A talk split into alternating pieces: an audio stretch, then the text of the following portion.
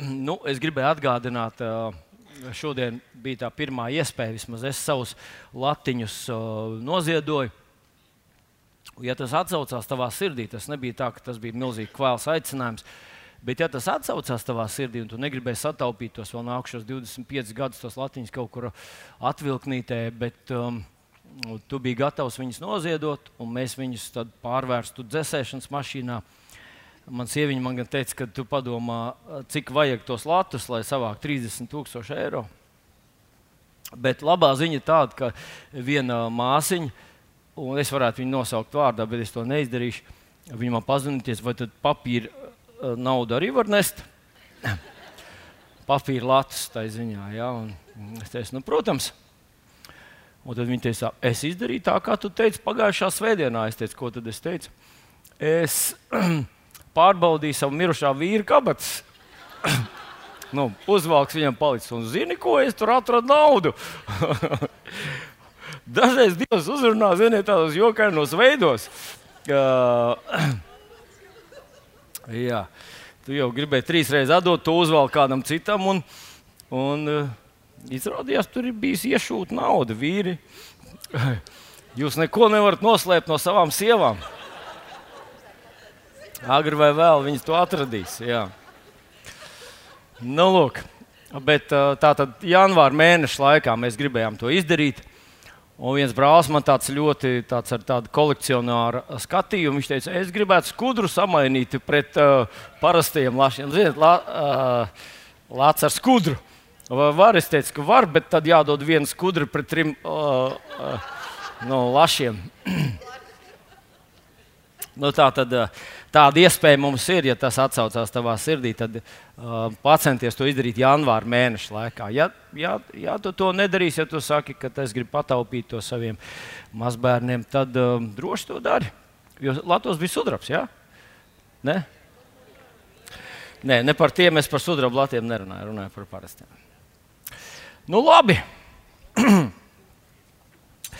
Ko tad mēs gribējām panākt iepriekšējā svētdienā? Ko es gribēju panākt? Es gribēju panākt, lai mēs ar jums saprotam, ka mēs esam no uh, Betsaidas paudzes. Vai ne? Nu, atcerieties, kad mēs cilājām rokas par brīnumiem, kurš tic brīnumiem, kurš nē. Ja? Tad visi mēs, nu, laikam, tad, kad sākās jau 20. Uh, Tie, kas nebijāt, lūdzu, atvainojiet. Jā. Nebijāt iepriekšējā svētdienā, jums jānoklausās iepriekšējā svētdienas vārds, lai jūs saprastu, par ko mēs runājam. Bet mēs nevaram to ekskursu iztaisīt tik lielu. Un tātad par piecīti visi cēla rokas. Visi tic, ka tādu brīnumu Dievs var izdarīt. Jā. Tad jau mazāk bija rokas, kad jau runāja par 20. Un kad runa bija par vēl vienreiz 20 atrast uz zemes, tad jau, jau trešdaļu mēs pazaudējām. Bet pusi mēs apmēram pazaudējām tad, kad runājām par to, ka ūdeni ieliet bākā. Un, ziniet, man pašam tas bija milzīgs tāds, nu, nu, jāsaka, tā man milzīga cīņa iekšā bija. Jo es domāju, labāk braukt ar tukšu bāku. Tas ir tāds pats brīnums, nekā. nē, tas ir vēl lielāks. Nē, nē, tas ir mazāks brīnums nekā braukt ar ben, nu, bāku, kurā ielietas ūdens. Nu, es zinu, te vēl pāris puiši, kuriem iekšā sarāvās viss, kad viņi dzirdēja, nu, tā sāk svēties gars, lai ūdeni bākā un brauc. Ja? Bet uh, es gan neredzu Andru uzreiz, varbūt viņš sēž kaut kur citur, bet es varu iedomāties, kā Andris jutās. Andris ir profesionāls automehāniķis, un viņam, jā, viņam savs servis. Jā. Tu vēroji viņu? Ja? Nu, redziet, jā. Novārskot, varbūt viņa ticība stiprākā manējā. Bet ar to es gribēju pateikt, ka es ticu, es ticu, ka mēs ar jums dzīvojam pēdējā laikā. Pēdējā laikā. Un, zinot, es dzirdēju nesen vienu izrēlietu, uh, mesijam, jēzum ticošu ebreju tautības cilvēku, kurš dzīvo Izrēlā. Viņš stāstīja par procesiem, kas notiek tur. Tad viņš saka, ļoti interesanti, ja, ja mēs skatāmies uz uh, rietumu pasauli, tad rietumu pasaulē tā kā, tā, tā kā, tā, tāds, tā kā noriets Uh, arvien vairāk uh, kristieši pielāž visādus kompromisus. Tas, kas agrāk teiksim, bija neiedomājami un, un, un nu, kas bija pats par sevi saprotams, ka tas nav normāli, ka Dievs to nepieņem. Arvien vairāk rietumu pasaulē kristieši nu, sāk pieņemt lietas. Jā, pieņemt, no, jā, no, no, Nu, jūs jau zināt, es nesaukšu vārdā visas tās mūsu laikmeta infekcijas un tā tālāk. Bet viņš teica, tieši otrādi, ja Izrēlā bija tāds laiks, kad ja tu pateici, ka tu esi ebrejs un tu tici Jēzum, tad tu biji iztumtais. Tad viss domāja, ka tevi neņems darbā, un tur, tā, tas bija kā, gandrīz vai tā kā Jēzus laikā. Arī Jēzus laikā bija ļoti grūti nākt pie Jēzus. Tur visu laiku apkārt bija varizēna rakstu mācītāji, kas katru, kurš izrādīja kaut kādu savu pieķeršanos Jēzum, viņu izslēdz no draudzes, vienkārši viņu vajāja. Tā, kā, tā bija liela drosme iet pie Jēzus. Ah, redz, tev piedod. Pagājušajā svētdienā tu biji slips, un, un šoreiz nav. Nu, ja. Tu cēli roku ūdeni lietu bākā. Nē, ah, Valter, redzi, kā? Ja. Ko? Cēli vienalga. Viņam sieva likt celt, tāpēc. Viss draugs skatās. nu, jā. Bet tā tad Izrēlā bija tāds laiks, kad tas bija ļoti strikti. Tad šobrīd viņš saka, ka sabiedrībā tas, tas viedoklis ir krasi pamainījies. Un daudz sabiedrībā uzskata, ka ebrejs, kurš tic Mēsijam, Jēzum, savam glābējam, Jēzum, tā kā mēs to darām, ka viņi ir daudz noderīgāki, veselīgāki un, un sabiedrībai eh, nu, derīgāki.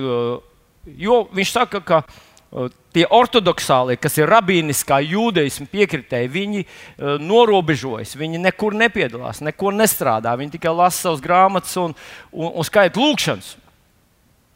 Bet uh, šie ebreji, kas tic Jēzum, kā savam kungam, viņi piedalās sabiedrībā, viņi, ir, viņi piedalās visādos uh, nozīmīgos projektos, viņi strādā, viņi atbalsta, viņi piedalās politikā un cenšas savu valsti pasargāt. Viņi diena armijā. Ja? Un, un tie ir ļoti lieli argumenti, kas liek visai šeit Izraels sabiedrībai mainīt krasu savu viedokli pret Jēzum ticošiem ebrejiem. Viņš saka, manā skatu punktā, no manas skatu punkta raugoties, Izraela lēnām iedegās par Jēzu, kamēr rietumu pasaule izdziest. Nu, un, protams, mēs zinām, ka tas ir arī mazliet nu, pēdējo laiku pazīme.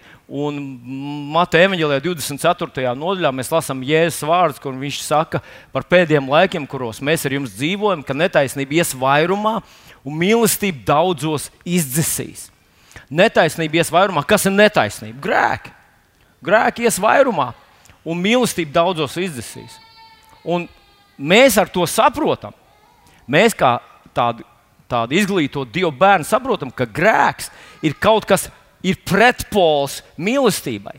Grēks ir pretpols Dieva spēkam. Grēks ir pretpols Dieva darbam.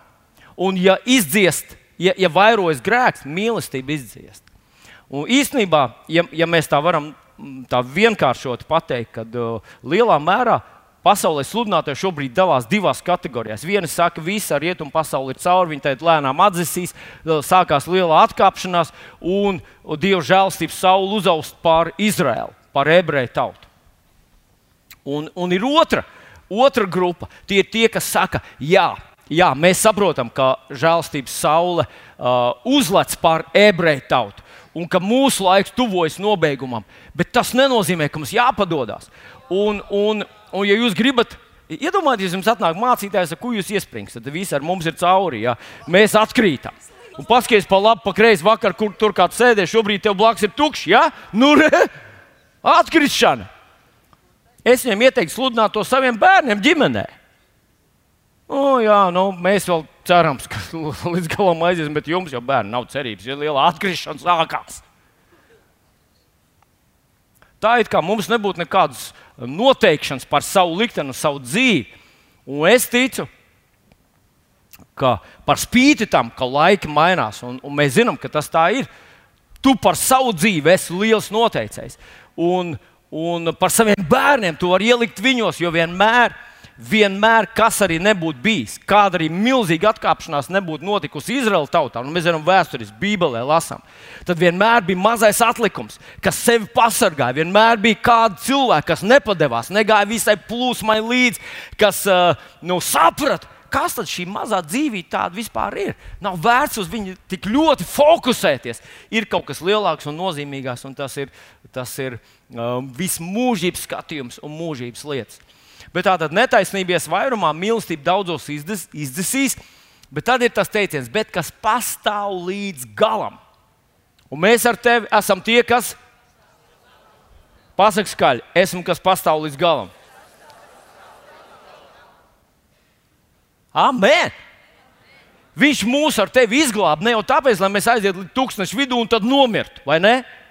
Bija cilvēki, kas tā ticēja, un viņiem tā arī notika. Mēs ar tevi esam cilvēki, kurus viņš izauc, izaicināja ārā no Eģiptes verdzības. Atbrīvoja no faraona despotiskās varas. Un viņš var būt, mēs šobrīd atrodamies tūkstnesī, bet mēs te nepaliksim.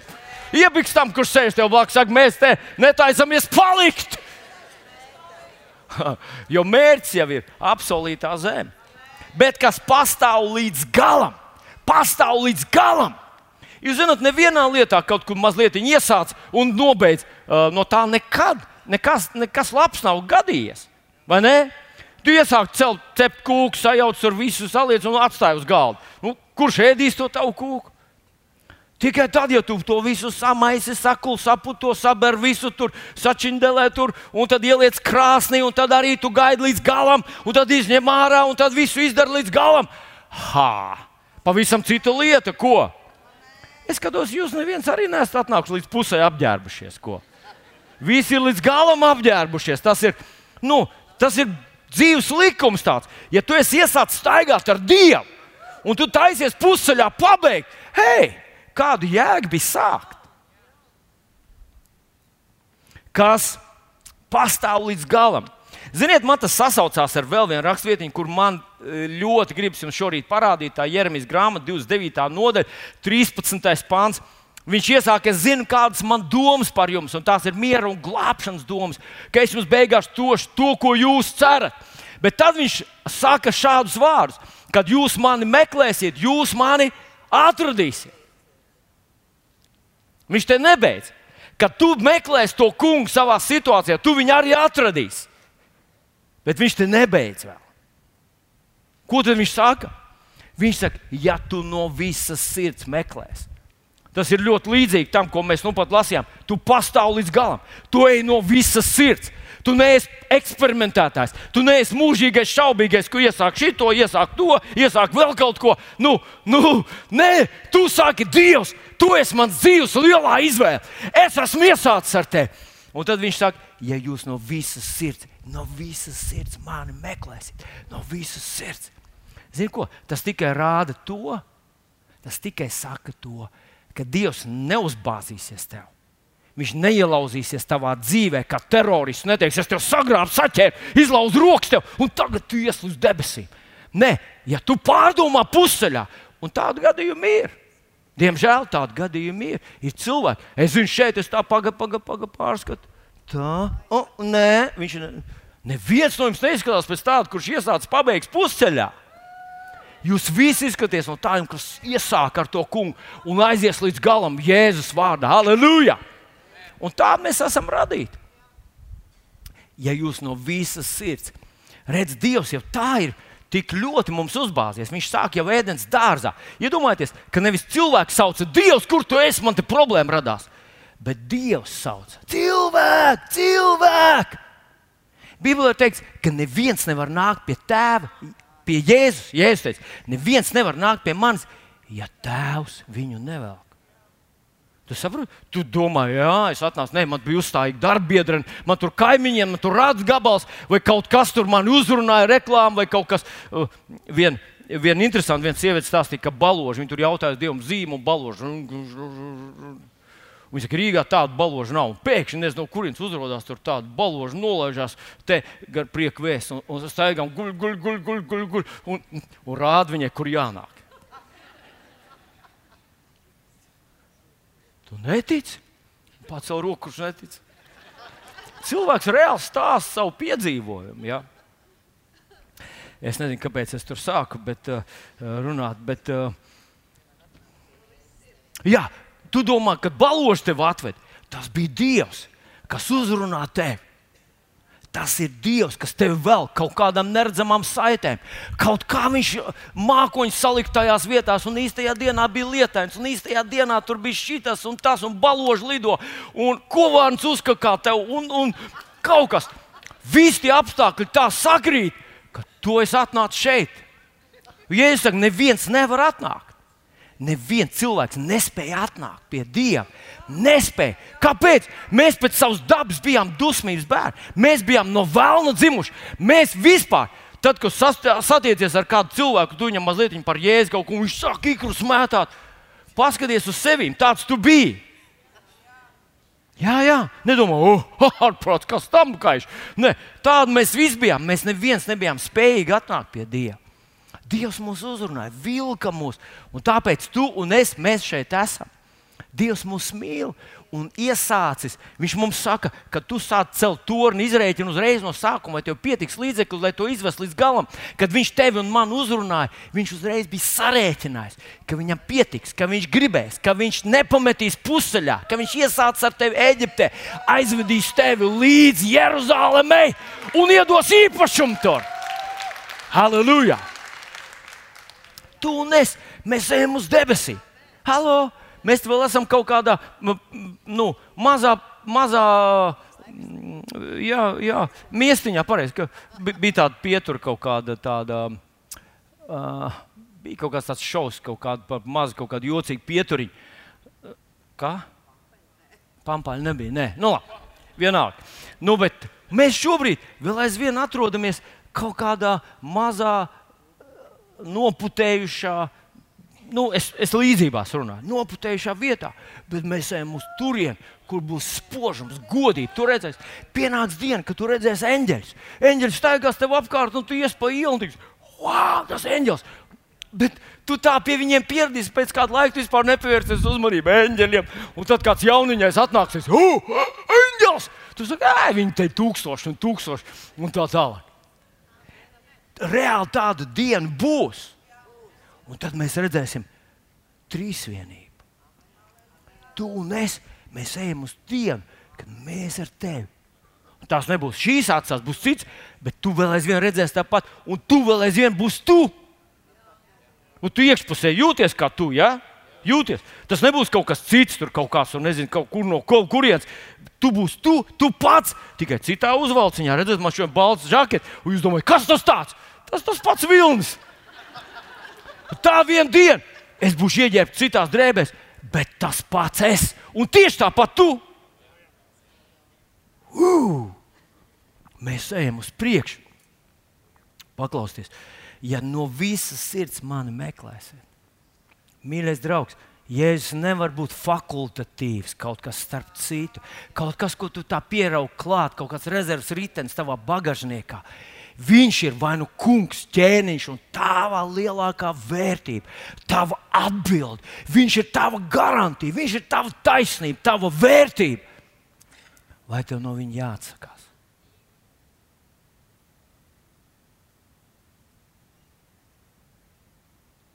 Ja tu no visas sirds viņu meklē, tu viņu atradīsi. Un tad vienalga, kādā strupceļā arī tu nenonāktu, kādā strupceļā arī tu nenonāktu, Dievam no tā ir izēja. Saka, Dievam ir izēja. Nu, lūk, Jēzus vārdā, slavu Jēzum. Šodien mēs paskatīsimies vēl to pašu rakstu vietu, kur jau mēs visu laiku cenšamies atkost vaļā. Bet es ticu, ka šī ir atkal viena no tām vietām, kur Jēzus kaut ko mācīja saviem mācekļiem. Mēs nelasām, ka viņa mācekļi tur būtu bijuši blakus, bet uh, viņš apraksta visu šo stāstu detaļās. Un es ticu, ka tā ir viena no vietām, no kurām mēs varam ļoti daudz mācīties. Tā ir Marka Evanģelija 8. nodaļa, un mēs lasām šeit ar 22. pāntu. Tātad mēs mācāmies no Kunga Jēzus, mācāmies to. Ja iepriekšējā reizē mēs runājam par to, kā Dievs rīkojas, tad šajā reizītē esmu drošs, ka Viņš māca saviem mācekļiem, kā būtu jārīkojas katram no mums, un mēs esam viņa mācekļi, vai ne? Tātad es lasu Marka Evanģelijas 8. nodaļa, 22. pāns. Bet viņi nāk uz Betsaidu. Un, uh, kā Betsaidiešiem, tāpat mums ir problēmas ar tādu, nu, problēmas tā pa īstam ticēt. Vai Jēzus kaut kur saka, ka tas nav normāli, ka, tā, ka mēs esam neticīgi? Jā, jā. Viņš saka, Mateja Evanģelijā 17. nodaļā, ja nemaldos, Mateja 17, 17, kur viņš saka, vai jums, nē, viņš saka, nē, uh, cik ilgi es jūs panesīšu, jūs samaitātā un neticīgā cilts. Neticība nav norma. Tā nav norma, ka saka, oh, es neticu, es esmu visam skeptisks. Nē, nē, nē, visur tur krāpšana. Tā nevar būt. Pff, tu domā, ka tu esi baigi gudrais, ja es atnāku teiktu, hei, draugs, Vai tu nezini, ka tu esi sasējis man rokas savā dzīvē? Un tāpēc iziet no tās kastītes, kurā tu esi pieredzējis, kā Dievs darbojas, ir tavs un mans dzīves izaicinājums. Ne tikai labais tonis, tas ir gandrīz būt vai nebūt. Nu, lūk, vēlreiz es sāku Marka 8,22. Un viņa nāk uz Betsaidu, tātad uz Latviju. Tad viņam pieved kādu neredzīgu, viņam lūdz, lai viņš to aizskartu. Un viņš neredzīgo pie rokas ņēmis, to izveda ārā no ciema un spļāva viņa acīs. Uzliktām rokas un tam jautāja, vai tu ko redzi? Un acis pacēlis, tas sacīs, redzu cilvēku kokiem līdzīgs staigājumam. Tad viņš atkal uzlika rokas viņa acīm. Un tas ieraudzīja gaismu, un tāpat atkal vesels, un redzēja visu pilnīgi skaidri. Un viņš to sūtīja mājās, sacīdams, nē, ciemā ja mēs palasām King James tulkojumu vai, vai mm, nu, jā, karaļa jēkab tulkojumu latviešu būtu, tad tur ir eh, drusku tā tāda nenozīmīga teikuma papildinājuma, kas manā ieskatā izsaka diezgan daudz. Un iepriekšējā reizē mēs par tiem runājam. Šajā reizē tam nepieskarsimies, bet viņš nobeidz ar to, ka, piemēram, viņš saka, nē, vairs ciemā, un nesaka nevienu neko ciemā. Jo, jo kādreiz cilvēki mūs izrunā ārā no tā visa. Un, un, un neticība ir ļoti lipīga. Tātad šis ir tas stāsts. Un gribētu teikt, ka vairāka, vairākas lietas, ko Jēzus uh, māca saviem mācekļiem, izstāstījot šo gadījumu, un tajā pašā laikā es ļoti ticu, ka viņš māca to arī mums. Un tā pirmā lieta, jā, tā pirmā lieta ko viņš māca, neļauties sajūtām, bet lietot ticību. Redziet, sajūtas ļoti bieži ir pilnīgi pretrunā ar ticību. Un esmu dzirdējis, es pats esmu kādreiz bijis tāds cilvēks, kas saka, es sajūtu, jā, es sajūtu. Tas ir gandrīz pierādījums, es sajūtu. Ko tu sajūti? Sajūti šito, sajūti to, sajūti vēl kaut ko. Tu varbūt izai ārā tēt un saki, oh, es sajūtu pavasars. Paskaties kalendārā, nav vēl pavasars. Nu, pavasars sāksies februāra pirmos datumos. Tagad saka, ka ne ka ziema būs no janvāra beigām līdz februāra sākumam. nu, pat es kaut kur dzirdēju tādu. tādu. Ziniet, man ir tāda nojausma, ka vēl būs gan saules, gan sniegs. Un tas saules būs tāds, ka, uh, ja tev ir kažoks, vēl nepārdod, viņi neiesēja nevienam paturi, jo iespējams, ka tev viņš noderēs šogad. Bet sajūta ir kaut kas, ko arī šim cilvēkam, šo cilvēku, tur nav rakstīts, ka tas cilvēks atnāca pie Jēzus. Tur rakstīts, ka viņu atveda. Nu, varbūt radinieki viņu atved, varbūt ģimenes locekļi, varbūt darbbiedrs atved viņu pie Jēzus, šo radinieku. Un, zinat, viņš tika nostādīts tādā situācijā, ka viņam vajadzēja izlemt, vai viņš uzticēsies savām sajūtām, akadēmiskām, saprotamām, loģiskām sajūtām, vai viņš rīkosies ticībā. Un viņš izturēja šo eksāmenu. Un tur varbūt saka, nu, nu kāda, kāds eksāmenis tur būs. Nu, man vajadzēja divus cilvēkus Un, un, un tu, ah, rekur, Evelīna un Jānis, nākat lūdzu šurp. Tie ir divi cilvēki, jā, tie ir divi cilvēki ar ļoti stipriem nerviem. Un, un tu iedomājies, iedomājies, ka tu esi uh, nu, viņu vietā. Ja? Nu, atnāk šeit, nostājieties tā, lai jūs visi labi redzat ar sevi pret zāli. Jūs izskatāties ļoti labi. Jā, ļoti labi. Jā. Uh, uh, kurš tam būs. Jūs saprotat, tur ir cilvēks, kurš atnāk pie jēzus, viņš ir neredzīgs. Viss, kas no jums būs vajadzīgs, Jānis, ja tu varētu nolikt brīlis un aizvērt ciet savus acis un nevērt viņas vaļā, lai nu vai kas notiktu. Labi? Jā, paklausies. Um, cilvēki grib iejusties, nu kā tad jutās tie, tas neredzīgais cilvēks. Ja? Tātad Evelīna būs pirmā, un tu būsi otrais. Tu nedrīkst spīkot, nevar, nedrīkst eh, taisīt vaļā acis. Vienkārši tev jāstāv ar acīm ciet, kamēr es saku, jā, neatver acis un, un, un, un viss. Ja? Vai te, tev nav jāspļauj? Nē, to es darīšu. Tev jāizvar acis vienkārši. Varēsi? Varēsi nevērt viņas vaļā, lai vai kas, lai tev tur brūk virsū simts vilki un koži. Tu, tu nevērs vaļā acis. Ja? Sarunāts. Nu, lūk, redzat, ir interesanti, ka, ka tur uzrakstīts, ka Jēzus iespļāva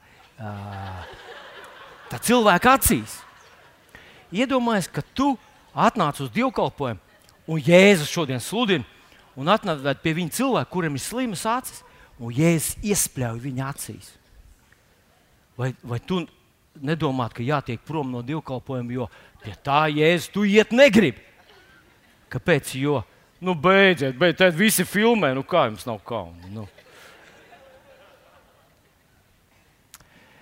Ziniet, ja es būtu to izdarījis, man gribētos, lai pēc tam nu, vēlākās paudzes mēģina mīkstināt to situāciju. Teikt, Jēzus dvēsele vai Jēzus uh, nu, tur jā, viņš tā kā pūta, jā, nu, pūta stipri un no visas sirds pūta. Un, bet tur ir burtiski uzrakstīts, ka Jēzus iespļāva. Viņš iespļāva vienā acī, un pēc tam otrā, vai viņš uzreiz spļāva abās acīs, mēs nezinām. Bet, ziniet, mums būs tā iespēja šie cilvēki jums pateiks, kā jūtas cilvēks, kurš neredz, kuram iespļauj acīs.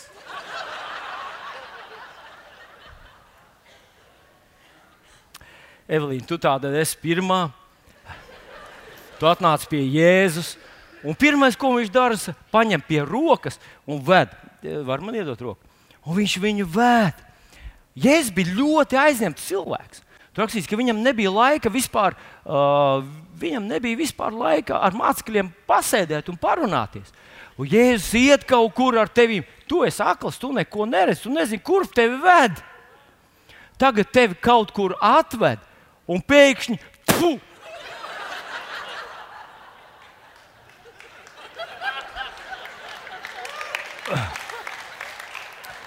Paldies! Tev. Evelīna, paldies! Tev. Jā, tu vari atvērt. Un pasaka mums, kāda sajūta ir. Tāda, tāda. Atsvaidzinoši. Atsvaidzinoši. Tu uzreiz labāk, tu labāk redzi arī. Jā.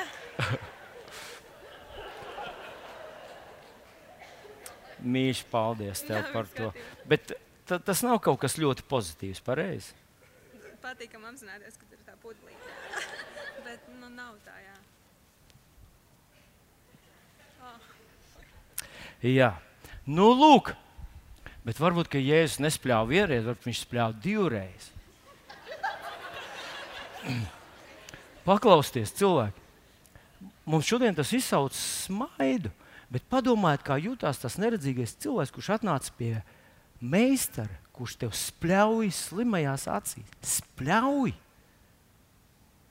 Spļāviens taču tiek uzskatīts par tādu nicinājumu zīmi, pareizi.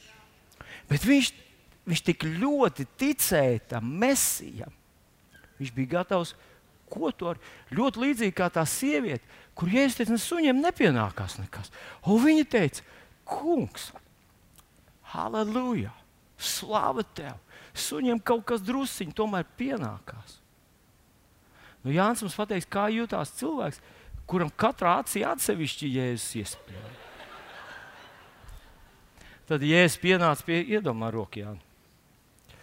Un viņš viņu ved, ved, viņš iet, kājas sitās pret akmeņiem, viņš nezina, kur viņš nonāk. Jā, un tad Jēzus saka, zini, man te viena lieta jāizdara. uh, pfu! Pfu!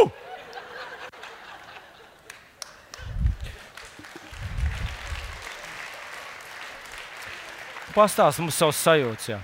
Neko neredzu. Neko neredz vēl? Jā, tu vari atvērt acis. Paldies. Tā. Brālīt, tas bija, tas bija ūdens, jā, tas tā, nebija spļaudi. Tas bija tīrs ūdens. Es šorīt speciāli nol, ilgi nolaidu, lai tīrs. Paldies tev. Jā. Bet tas nebija nekas pozitīvs. Pareizi tas sajūta. Atsvaidzinoši. jā, paldies. Jā.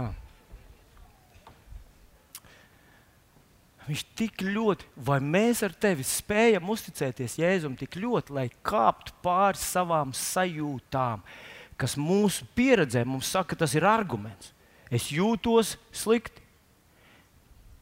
Sakiet, vai bija vēl kādi gadījumi, kad Jēzus kādu cilvēku kaut kur ved, sauc, liek viņam kaut ko darīt, un sajūta ir pilnīgi pretrunīgs? Skaidrs, ka bija daudz tādu gadījumu.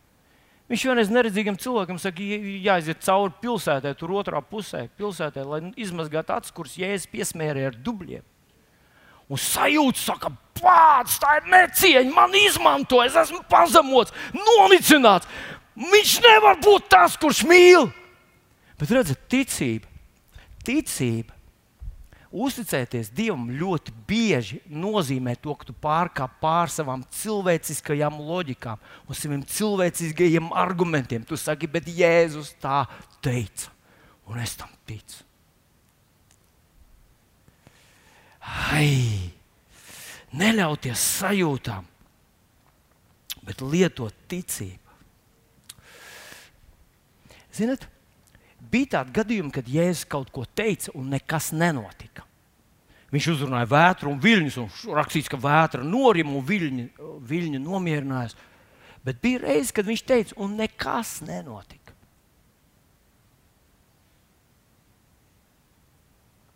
Nu, kurš bija tas gadījums? Un viens tas gadījums bija, kad viņš pienāca pie vīģes koka, paskatījās uz viņu, teica, lai nemūžam tev augļi nav vairs.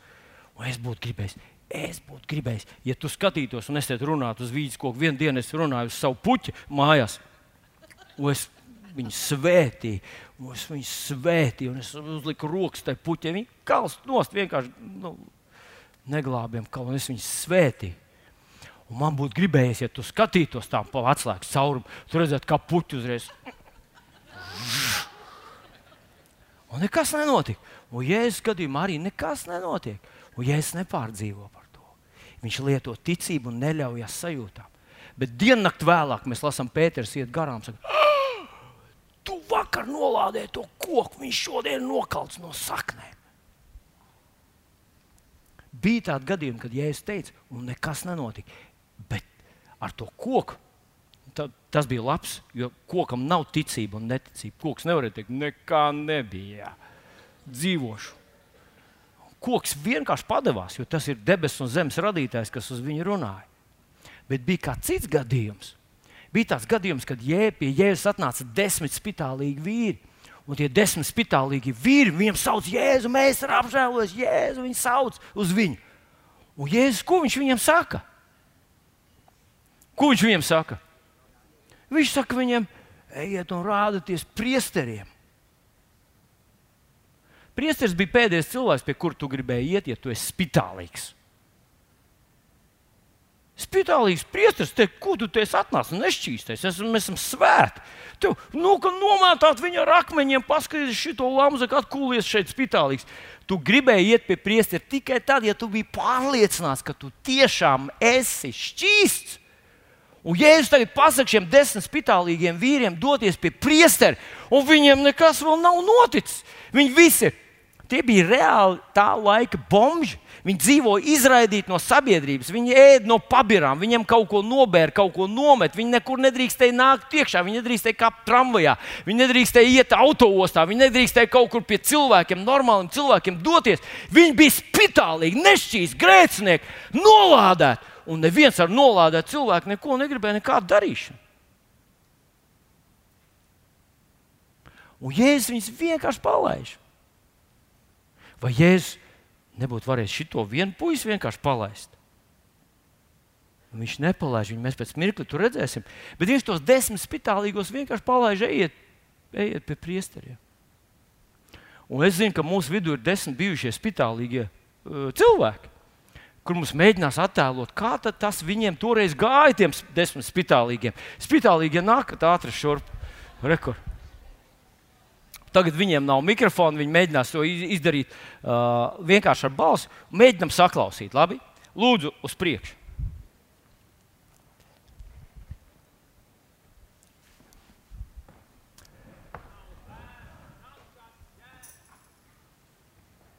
Ko tu?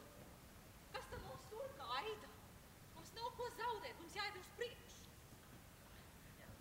Man pietiek, es vairs negribu. Tik līdz kādam noticis, ņem un piedod. Es negribu. Viena dzīve tikai. Ejam pie priestera, ejam pie jēzus. Tur vilnis.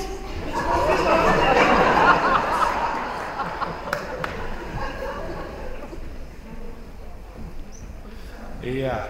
Nu, mums laikam jāsaka paldies eh, šiem aktieriem.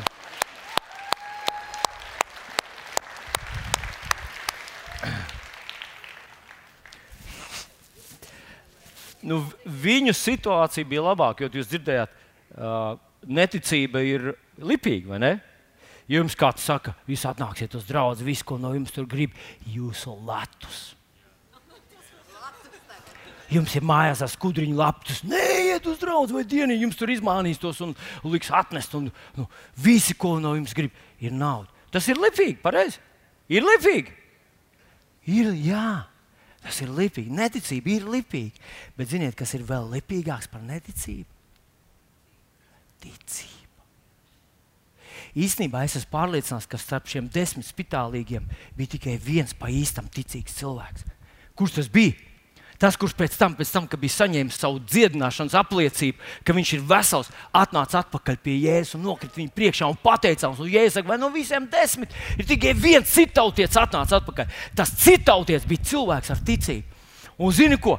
Katru reizi, kad viņš atvēra muti vaļā, un īstenībā mēs lasām instrukcijas par draugu Kropsovs Pāvils, tad viņš saka, ka jūs sanākat kopā, lai runā tikai tie, kas tic. Ko lai dara tie, kas netic? Tie, lai inficējas. Ziniet, ticība ir ļoti lipīga.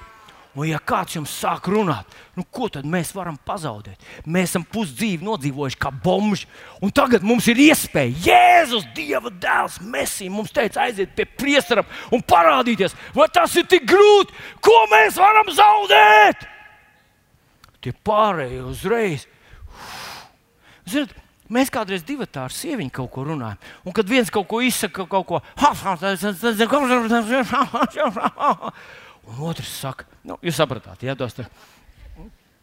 Un otrs saka, zini ko? Kā es parasti saku. Sieviņa Dievs mūs ir svētījis.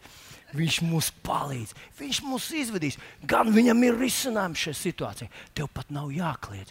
Bet šie nedaudzie ticības vārdi, viņi ir tā kā infekcija. Viņi tev aplipina, viņi tev pieskarās. Viņi tev, un tu? Wow! Jā, halleluja! Iedomājieties, ka tev ir tāda mājas grupa, kurā ir viens ticīgs cilvēks. Ir daudz visādi ņaudāt. Bet viens ir, un tu gaidi, tu cilvēks gaidi, tu ej uz mājas grupu tā viena cilvēka dēļ. Tu gaidi, kad viņš atvērs mutu un pateiks, bet Dievs mums palīdz. Bet Jēzus to ir izdarījis, bet viņš mums solīja, viņš teica, lai viņam uzticās, un es esmu gatavs viņam uzticēties, es iešu līdz galam. Un es iedomājos, desmit spitālīgi klibo vēl kas steberē pakaļ tam vienam samārietim, kurš teica, ka Jēzus sacīja aiziet parādīties priesteriem, ko mēs te sēžam pa nakti. Viņš teica, negulēsim, ejam! Ātrāk būsim veseli. Viņi lietoja ticību, nevis uzticējās savām sajūtām. Vilšanās, grūti, smagi, tālu jāiet, ko tie priesteri teiks. Mēs riskējam. Protams, ka mēs riskējam.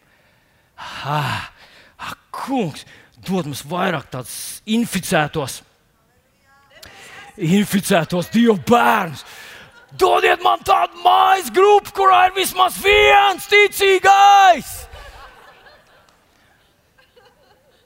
Un, ja tu esi ticīgais, neklusē, lūdzu. Nē, es tik ļoti pieklājīgs un piesardzīgs un tik ļoti labi audzināts.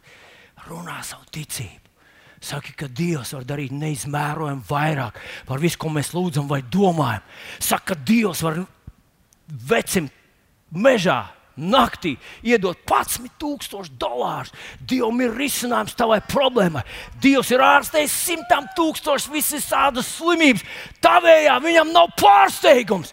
Runā savus ticības vārdus, ah, kā tie paceļ spārnos, kā tie iedrošina, kā tie ved uz priekšu, kā tie palīdz cilvēkam, kurš atrodas grūtā vietā.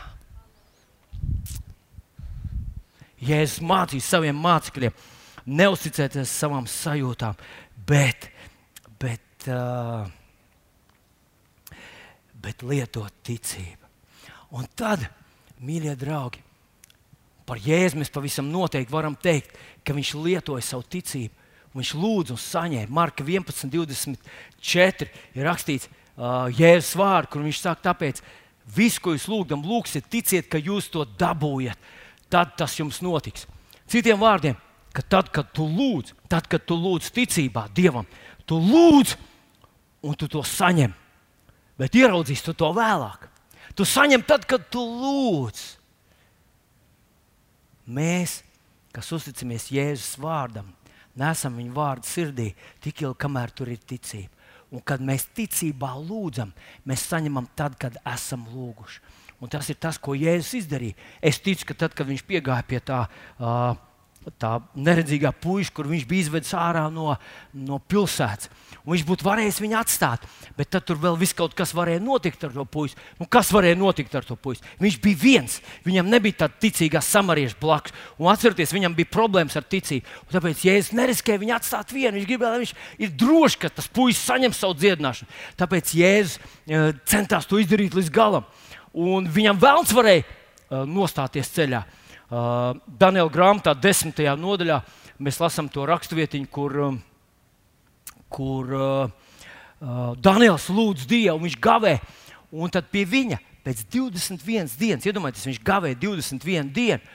Pēc 21 dienas pie viņa atnāk eņģelis un saka, kopš pirmās dienas, kad tu lūdzi un gribēji saprast notikušo, es devos tev paskaidrot, bet man nostājās priekšā, nu, runāšu mūsu vārdiem, demoniskās, demoniskais eņģelis, un viņš nelaid, viņš man aizkavēja 21 dienu. Redzat, vēlams var aizkavēt tavu atbildi. Nevienmēr, nevis Dievs neatbildēja, Dievs atbild uzreiz. Bet vēlams var aizkavēt. Un tāpat šim puisim, kurš no Betsaidas bija, līdzīgi kā mums ar tevi, viņam bija problēmas uzticēties Dievam. Bet viņš izturēja to eksāmenu, viņš sāka savu ticības ceļu. Un Jēzus gribēja ar viņu aiziet līdz galam, un tāpēc viņš ne, negribēja viņu atstāt pusceļā. Un, un tāpēc viņš uh, palīdz viņam tik ilgi, kamēr viņš saņem savu dziedināšanu pilnībā. Un visās citās, visos citos gadījumos, izņemot manas pieminētos jau desmit spitālīgos, tā dziedināšana atnāca uzreiz. Bet šajā reizē tā neatnāca uzreiz. Jo, kad Jēzus bija lūdzis, uzlicis viņam rokas uz acīm, iespļaus tajās acīs, uzlicis rokas uz acīm, viņš teica, nu, ko tu redzi, skaties! Un tas puisis no sākuma varbūt teica, es neredzu, skaties, ja es teicu, skaties, ko tu redzi! Un viņš ka jā, kokiem līdzīgs. Uh, tās, uh, jā, kokiem līdzīgi tie cilvēki. Bet Jēzus pirms tam jau bija saņēmis šo atbildi. Viņš lūdza, kā Marka 11, 24, kur viņš saka, kad jūs ticībā lūgsiet, lūdziet tā, ka jūs to saņemat tagad, bet iespējams tas manifestēsies kaut kad vēlāk. Un Jēzus to bija saņēmis. Tagad mēs lasām, ka tas cilvēks saka, es redzu tikai kaut ko kokiem līdzīgu staigājumu. Jēzus vēlreiz uzliek rokas viņam un vēlreiz lūdz. Bet ko tad Jēzus varēja lūgt vēlreiz? Dažreiz mēs cilvēki darām tā, kad mēs esam vienreiz lūguši, Mēs, sakam, mēs to saņēmām, mēs aizmirstam par to lietu. Un vispār par to vairs nelūdzam. Saka, mēs to toreiz saņēmām, toreiz, un, un, un, un tā vēl nav manifestējusies, bet es vairs nevaru lūgt par to, jo tad es pārsvītrošu savu pirmo ticības lūgšanu. Bet Jēzus mums parāda, ka to var darīt, un īstenībā pat vajag darīt. Tikai vajag noteikti lūgt kaut kādu citu lūgšanu, kaut kā savādāk vajag lūgt. Un es šo, šorīt atkal iestrēdzis ar saviem gariem tekstiem Un es ļoti ceru, ka jums vēl ir pacietības man mazliet uzklausīt. Bet uh, uh Efeziešu vēstulīt, gribu nolasīt jums Efeziešu vēstulīt sesto nodaļu. Un šeit apstults Pāvils mums citē. Es palasīšu no 11. bet tas atslēgas, atslēgas pants ir 18. Tātad Efeziešiem 6, 11. Bruņojieties ar visiem dievu ieročiem, lai jūs varētu pretī stāties vēlna viltībām. Vēlnam nav reāla spēka, izņemot meli.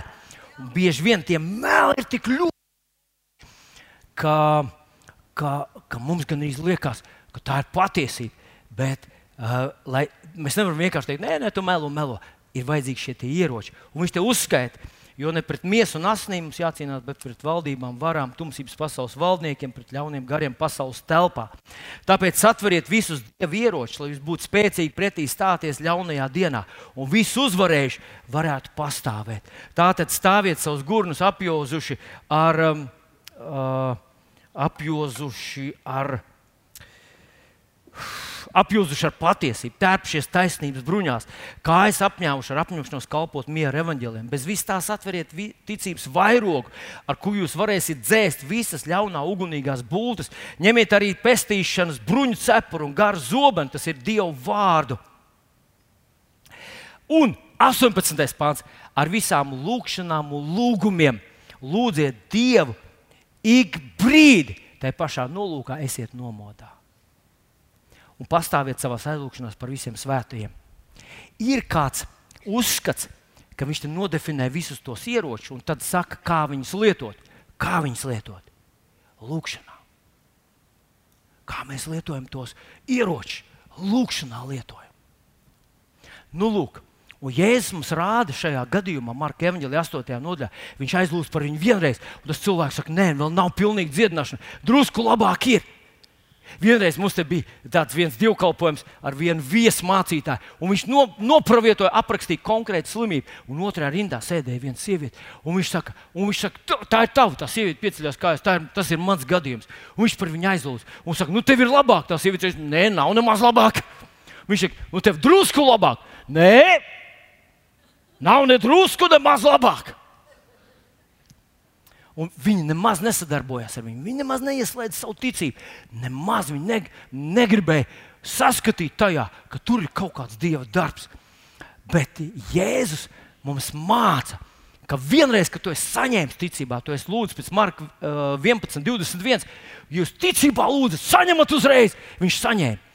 Es ticu, ka viņa pirmā lūkšana bija tāda, Tēvs, es pateicos tev, ka tu esi devis man šo dziedinošo spēku, lai es šeit realizētu savu kalpošanu, kungu, jēzus vārā, pu, pu, un jēzus vārā es atradu dziedinošo spēku pašā vīrieša acīm. Skaties, tai, es vēl neko neredzu. Paskaties, kārtīgi. Un tas vīrietis skatās, ja es kaut ko redzu, kā koks tālumā. Ko jēzus dara? Vēlreiz uzliek rokas. Bet viņš nelūdz vairs tēvs pirmā reizē, tu nedziedināji. Kaut kas nenostrādāja, kas tur kaut kāds pārāvums vai kas tur ir. Viņš nedarīja tā. Viņš bija saņēmis jau pirmajā reizē. Ko viņš darīja otrajā reizē? Iespējams, ka otrajā reizē viņš darīja to, ko viņš mums mācīja no Mateja 21, 21. Un viņš, kur viņš saka tādus vārdus, paklausieties. Patiesi jums saka, ja jums ir ticība un jūs nešaubāties, tad jūs nevien tā varēsiet darīt ar vīģes koku, bet kad jūs teiksiet, kalnam celies un meties jūrā un nežaubīsieties, tad jums notiks tas, ko jūs sakat. Viņš saka, pavēli kalnam. Es visu laiku domāju, kādā sakrā viņš visu laiku liek mums kalnam pavēlēt. Nu, kaut kam dēmoniem, slimībai. Kāpēc viņš saka, kalnam pavēlēt? Ko jūs teiktu? Es zinu, ka jūs zinat, mums nav tik daudz laika, bet es mēģināšu to savu versiju. Ziniet, pašā interesanti, ka pašā, pašā sākumā, kad Dievs radīja cilvēku, ielika viņu ēdienas dārzā, viņš teica viņam, valdi. Un tad viņš saka, radīsim pēc mūsu ģīme, mūsu līdzības, tas lai valda par zivīm, putniem, gaisā, visiem rāpuļiem, visiem, mm, mm, visām lietām, pār zemi. Pār visu zemi. Ir interesanti, ka kādā vietiņā viņš saka, pakļauj to zemi sev. Un tad turpat, ja nemaldos, uh, pirmajā mūža grāmatā, ja nemaldos, otrā, trešā nodaļā, viņš kaut kur saka, no zemes tu esi ņemts un par zemi tev jāpaliek. Zini, kas tev šobrīd sēž blakus? Kāds, kurš ir no zemes ņemts. Un viņš piešķīra cilvēkam jau pašā sākumā varu pār zemi. Īsnībā mans ķermenis ir no zemes. Un viņš teica, valdi par to, pakļauj to. Tā kā tad, kad Jēzus sacīja, tu pavēli kalnam, kalns ir kaut kas, kas stāv ceļā un kaut ko tev traucē. Un, respektīvi, viņš saka, lieto savu varu. Tu esi saņēmis no Dieva dziedinošo spēku. Tagad lieto savu varu, pavēli tam kalnam, tavā ķermenī. Es esmu runājis uz saviem melkuņiem, esmu runājis uz saviem pleciem, esmu runājis uz savu sirdi, esmu runājis uz savām zarnām, vaiga, um, vairogu dziedzeri. Es sarunājos ar sevi, jo man jāapvalda pār to zemi. Es nezinu, tu varbūt gribi valdīt par manu zemi, sāc tiec ar savu zemi galā vispirms. Tātad, ko Jēzus iespējams tur darīja? Iespējams, ka viņš sā, uh, pavēlēja tam ķermenim. Viņš teica, ķermeni, Jēzus vārdā, esmu atraisījis Dievu dziedinošo spēku, tas šobrīd tevī darbojas. Un es saku jums, acis, redziet, Varbūt tev vajag, tev vajag savu ķermeni, bišķiņu pārmācīt. Viņš nekontrolēts, neviens par to nevalda, izņemot demonu. Hei, kurš ir kungs šeit? No zemes tu esi ņemts, un kamēr, kamēr tu vēl neesi tur, atgriezies atpakaļ, lieto savu varu. Iespējams, ka otrā lieta, ko viņš tur darīja, bija, ka viņš, viņš lietoja šo lielo, spēcīgo, uh, jā, paldies, Edvards. Mēs ejam uz noslēgumu. Man tikai gribas vēl tikai. Jā, jā. Es, es mēģināšu žuh, īsi. Paldies, sieviņ. Man sieviņai es viņai lūdzu, pasaka man, ka es aizrunājos, un viņa tagad izpildīja savu kalpošanu līdz galam. Jēzus vārdu. Halleluja! Halleluja! Labi. Es, šodien mums nav seminārs par, par lūkšanu, bet es iedomājos, nu, atcerieties, Jēzus stāv pie Lācis kapa. Jēzus stāv pie Lācis kapa. Un viņš tur neko nelūdz. Viņš saka šo lūkšanu. Tevs, es pateicos, ka tu esi man paklausījis. Iespējams, ka viņš otrreiz uzlika rokas tam puisim uz acīm. Viņš teica, Tēvs, es zinu, ka tu man paklausīsi. Es zinu, ka tu man paklausīsi. Viņš paņēma no Mateja 24. nodaļas, kur Jēzus teica, ka no bērnu zīdaiņa mutes tu esi izveidojis, tu esi slavu sev sagatavojis. Un otrajā psalmā, ne 8. psalmā, 2. pantā ir rakstīts, no bērnu zīdaiņa esi izveidojis pretspēku savam ienaidniekam, likt apklust. Iespējams, ka cilvēks, kurš slavē Dievu, kurš pateicās Dievam, Vēlams nevar aizkavēt viņa atbildi 21 dienu. Iespējams, ka Jēzus tur vienkārši slavēja to kungu. Teica, Debes Tēvs, šī ir tā reize, kad es pateicos Tev par Tavu atbildi.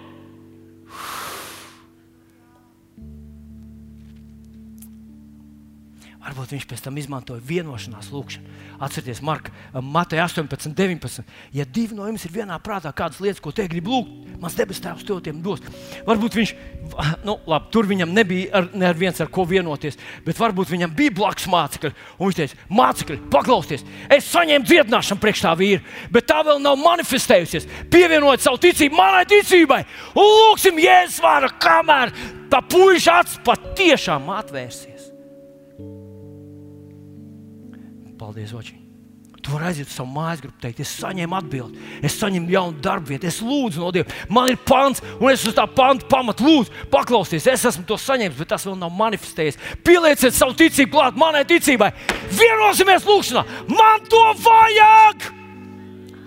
Un tu nepadodies, kamēr tas atnāk.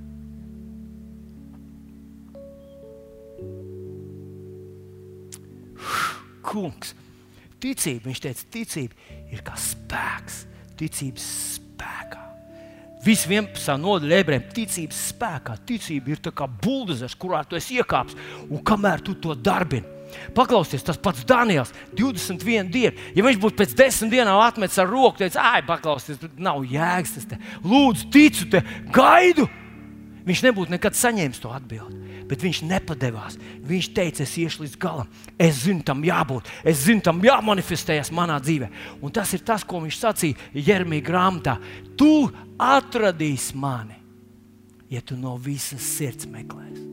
Ja tu tikai pameklēsi, tikai drusciņi, kamēr tas ir ērti, kamēr tas ne, neiejaucas manā dienas režīmā, nu tad nekas. Bet, ja tu ies līdz galam, Ja tu ticēsi līdz galam, ja teiks, Dievs, es esmu saņēmis, to vēl nevar redzēt, bet es esmu saņēmis. Ja tu kādam, kas tev izsaka līdzjūtību, teiks, ziniet, ko, jā, vēl nevar redzēt manu dziedināšanu, bet es to esmu saņēmis. Pielieciet savu ticību klāt mājai ticībai, lai tas manifestējas ātrāk. Ha! Halleluja! Es ticu, ka tas ir tas, ko Dievs grib, kā lai mēs dzīvojam, ka mēs ticam bez kompromisam līdz galam. Mēs ejam līdz galam, mēs ticam līdz galam, mēs sagaidām pārmaiņas līdz galam savā dzīvē. Mēs lūdzam par saviem radiniekiem, neglābtajiem, varbūt. Un viņi var pārsvītrot mūsu lūgšanu, bet mēs atkal lūgsim. Mēs atkal atraisīsim Dieva spēku. Mēs atkal pasludināsim. Mēs atkal ticēsim. Kunga Jēzus vārdā. Mēs varbūt arī esam betsaites paudze, bet mēs ar tevi varam izlemt iet līdz galam. Amen.